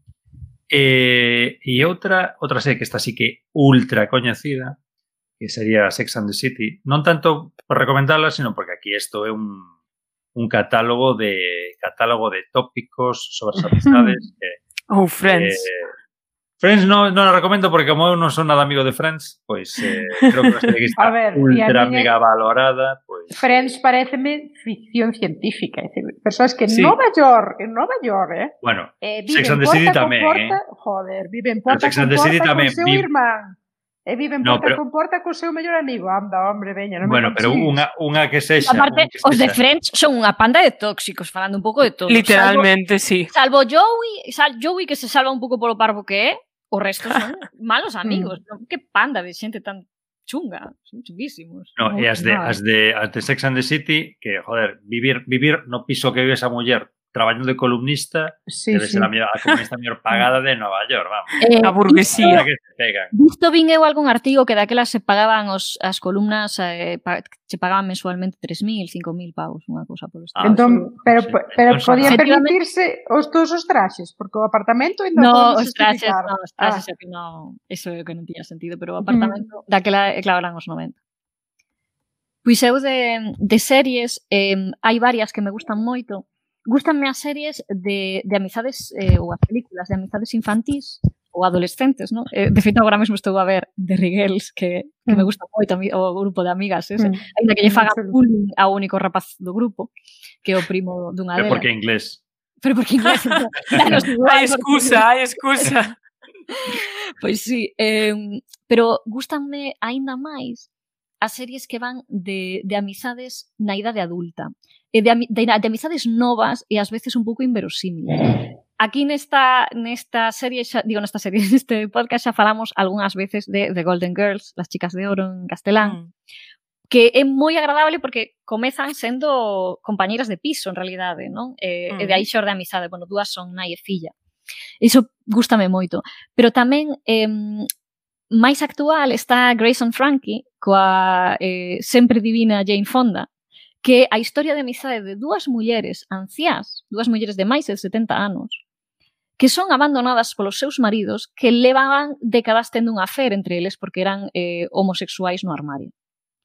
Eh, un deles é mm, eh, Martin Sheen e outro é Ai, non me lembro do nome. Bueno, da igual, pero un actor moi bo. Son uns actorazos e unhas pedazo de actrices todos. É unha serie boísima, simpatiquísima e que che devolve as ganas de vivir e de chegar a bella a ser posible e de, e de cuidarte. Son, é unha serie de verdade fantástica, fantástica. Pero aparte tamén... desta serie eran todos amigos entre sí e elas, o que pasa que se coñecían pero non se levaban especialmente ben.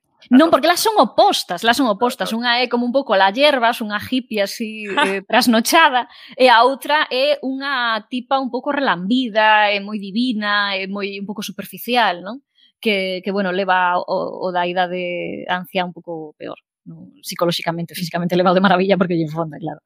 Eh, pero tamén quería dar un exemplo de serie onde hai unhas amizades que a min non me gustan. É dicir, o exemplo negativo de que grima me dá esta xente que es que é unha serie que non tivo moito éxito, pero que como si estaba moi ben, creaba moita incomodidade por dentro por facía pensar moito, que era Friends from College. Eh, como Mira, de Fred from, Friends from College, eh, só vos sei dicir que saía eh, Fred Savage, que moitos o coñeceredes como protagonista de Aquellos maravillosos años, mm. e ela era eh, co, eh, unha das, das mulleres, das protagonistas, bueno, porque non hai ningún que sexa máis protagonista que os outros, era eh, Cobie Smulders, que a de, a de How I Met Your Mother eh, como coñecín a vos nai. E mm, non sei cal das dúas, di, está aquí Inés Dinamita dicindo genial a serie, non sei te refires a de eh, a, cal, a caldelas, pero bueno, en calquera caso, se si nos apoias, eh, moi ben, ben apoiado está. E despois, mm. como libro sobre amizade, e tamén eso das amizades que duran no tempo e as crises de amizade, é dicir, esas amizades que son complicadas, Eh, gústame moitísimo o derradeiro encontro de Sandor Marai, creo que non está editado en galego, hai que lelo en castelán, el último encuentro. Eh, gústame moito un libro de Julian Barnes que é unha homenaxe ao derradeiro encontro, segundo souben por unha por unha eh, entrevista del que se chama A necesidade dun final, esta sí que atedes en, en galego en Rinoceronte.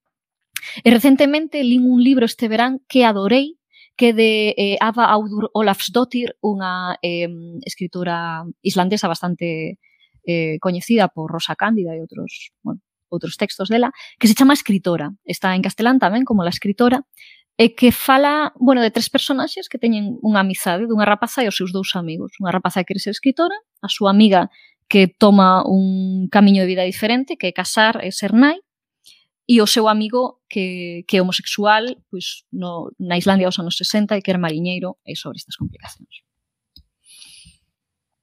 Algúnha máis por pois, aquí? Eh, como fixeches moita recomendación tanto Janito como a ti mm. de vídeo, eh, vou falar de cancións. Entón, creo que unha das cancións eh, máis chulas sobre a amizade, en que pensedes que é unha ranciada, a min gustame a canción de Roberto Carlos, de Un millón de amigos. Eh... e despois hai outra que se chama eh, Bellos Amigos, que é de Misida, que tamén de outro brasileiro, eh, un rapper que creo que alguna vez xa, xa recomendei eh, son dúas cancións sobre a amizade que me parecen valiosas. Tiña algunha recomendación que xa foi dita, entón, dico sí, fechado. eu tamén. Mm. Xa, as miñas dixo es Janito, que son así as series máis actuales. Bon, pois entón, antes de despedirnos, eh, hai unha cousa que vos temos que comentar, eh, que hoxe nos presentamos como un podcast independente e non como un podcast da revista Luces. Entón temos que explicarvos por que as Woman's Planers xa non é un podcast da revista Luces.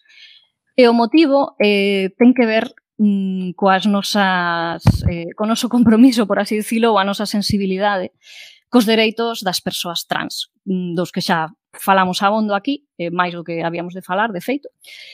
Eh, aconteceu a comezos de, de setembro que se nos comunicou que, que a Luces viña de fichar unha persoa cunha columna de opinión, eh, que publicaran este ano varios artigos abertamente transfobos eh, noutras publicacións, non en Luces, cos que, bueno, cos que nós non estábamos de acordo e que ademais, eh, bueno, pensamos que, que crearon bastante desacougo nas, nos lectores desas outras publicacións galegas e que o crearon con razón. Eh, nós estamos moi sensibilizadas con este tema, E estamos en completo desacordo coa necesidade de ofrecer espazos de opinión a persoas con este discurso a tal altura da historia no ano 2022. Uh -huh.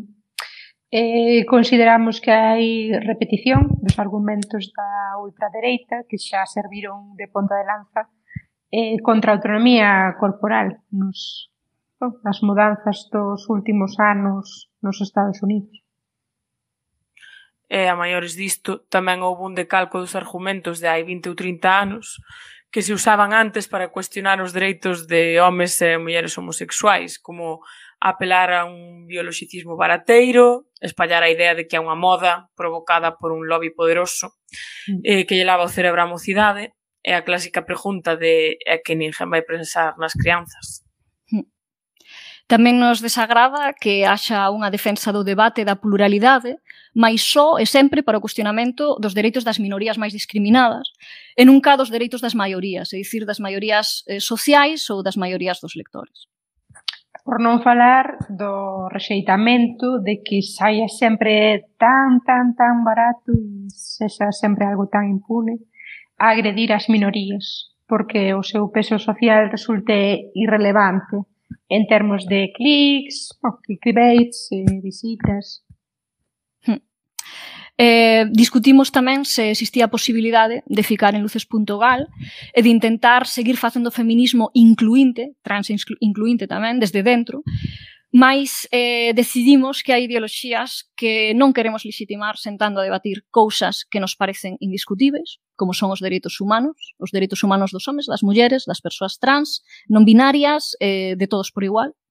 En este tipo de situacións pensamos que negarnos a participar dun espazo e sair pola porta podía ser eh, moito máis elocuente que calquer argumento que fósemos dar.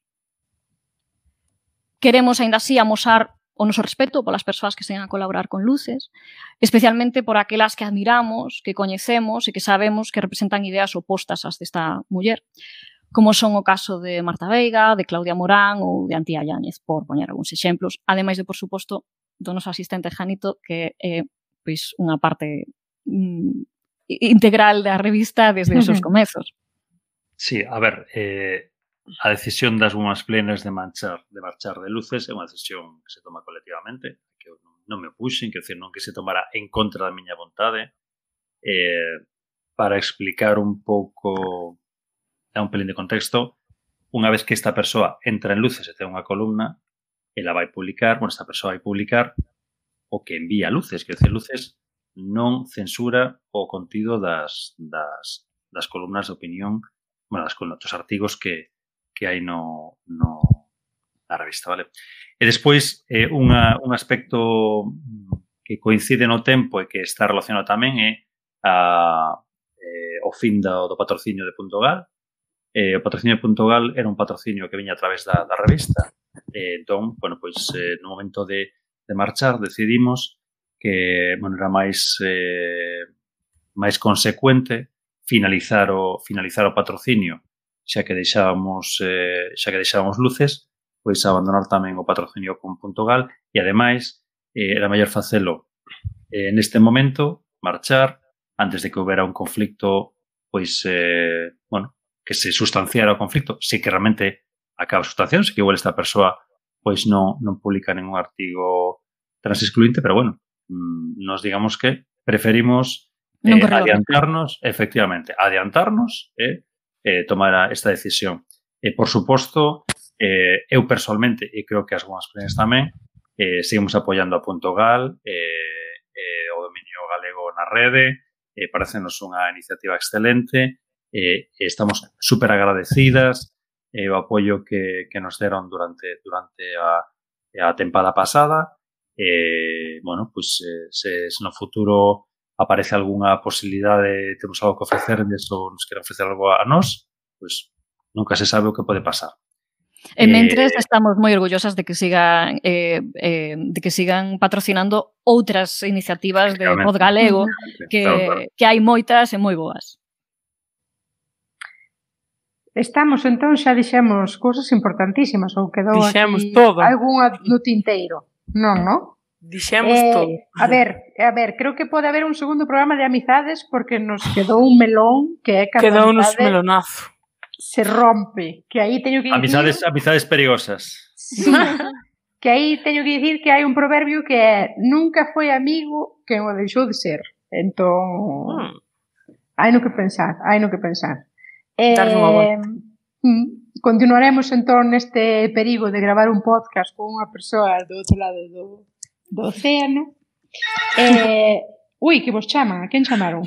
A min, xusto. Chegou, chegou che algo de, de Amazon agora, tens que recollelo. A fea.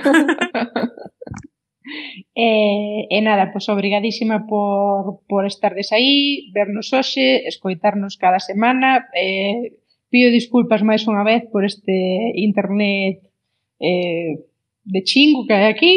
Eh, pero foi así como cadrou. Eh, pido disculpas porque tal vez en algún momento se pensase que hoxe non íamos gravar. Nós mesmas tamén o pensamos pero vai aí na frase que é no perigo coñece o amigo e aí foi cando me chamou a malvada profe para continuar co podcast porque eu tamén me vin eh, mal, super mal con o este... drama era para gravalo Carmen, ah. non, sentí non imos facer. Pero mira, ao final funcionou. Claro, tal vez non, tal vez non fun hoxe a persoa máis elocuente do mundo porque tiña unha, unha lousa, unha, unha presión inmensa porque pensaba mesmo que non que non ia entrar. E de aquí eu me darei a, si, sí, máis a vaquiña pero que vale, pois é un, un ditado genial. Eh, Sara, xa estás? Despídome entón de ti, Sara. Sí, sí, sí, desculpade, que calculei a cea aí, aí, xusto, claro. eh? Xa te chegaron os, xa te chegaron os noodles, entón. Os noodles. que non os nudes, que xa podían chegar. Claro, mandale, mandale. bon, Sara, pois, eh, vémonos próximamente. Eh, obrigada por estar aquí neste programa especial. Grazas a vos, encantada de acompañarvos, como sempre, amigas. Uh -huh. eh, obrigada aquí tamén o noso home máquinas, que é o Janito. Eh, eh, disculpa, eh, porque sei que te debías estar cagando en min hasta sí. no, no, último patatilla. Porque, vamos. a cara de Janito era un poema auténtico. No, hai que, no realmente todo isto problema viña de antes, ni sequera era culpa de Carme. Eh, eu, obrigadísimo eu, eh, por, por vir chegar dende Aleno Atlántico a traernos eh, a túa amizade. Mm. Oh. Obrigada eu. E, e nada, tamén obrigada a malvada profe que me deu aí un cable, que me chamou, que me deu a máxima confianza para, para hoxe gravar, porque eu, xa vos digo, vía, víame mandando un telegrama e, e que Foi un, eh, como era aquel de arranca Carlos, intenta arrancar. Arráncalo, por Dios. Por Dios, plan, trata de arrancar, arrancarlo. Non, sin ti non imos, Carmen, sin ti non imos. Estaba aí a malvada profe dicindo, no, desenchufa todo, pode reiniciar. Desenchufa. Temos que un momento IT crowd. de internet. Que inicio de tempada máis intenso. Cargaste de internet. Mm. Bon, pois, Vai eh, a inicio de iso. tempada este. Sí, sí, sí, a ver, ten que isto despois correr mellor. No, a peor isto non Mil pode. grazas a xente que quedou aquí vendo directo, sí, porque claro. había como 50 persoas que desapareceron con razón porque tardamos claro. E despois dirá, esas, esas 50 persoas dirán, oh, e quedaron, quedaron sen min, pero que isto? Mm. claro. pero non, non foi a propósito, non vos parece mal. Despois xa veredes no. o vídeo que foi, decir, foi un asunto técnico, non, non era por expulsarvos, non do Twitch ni nada disto. E, pois nada, eso. Mm, só agradecimentos e obrigada a quen aquí ficou. E xa sabedes que nos vemos nas próximas semanas pois o escoitamos, por mellor dicir. Se non me escoitades a min, eh, comezade vos a preocupar, porque isto é México e, e, e non é pouca broma. A ese que Imos por ti, Carmen, que claro. para eso están as amigas. e eh, eh, nada, pois pues, até aquí E aí nos vemos nas próximas semanas. Beixiño. Beixos. vindeira. Chao, chao, Gute chao. Nacht.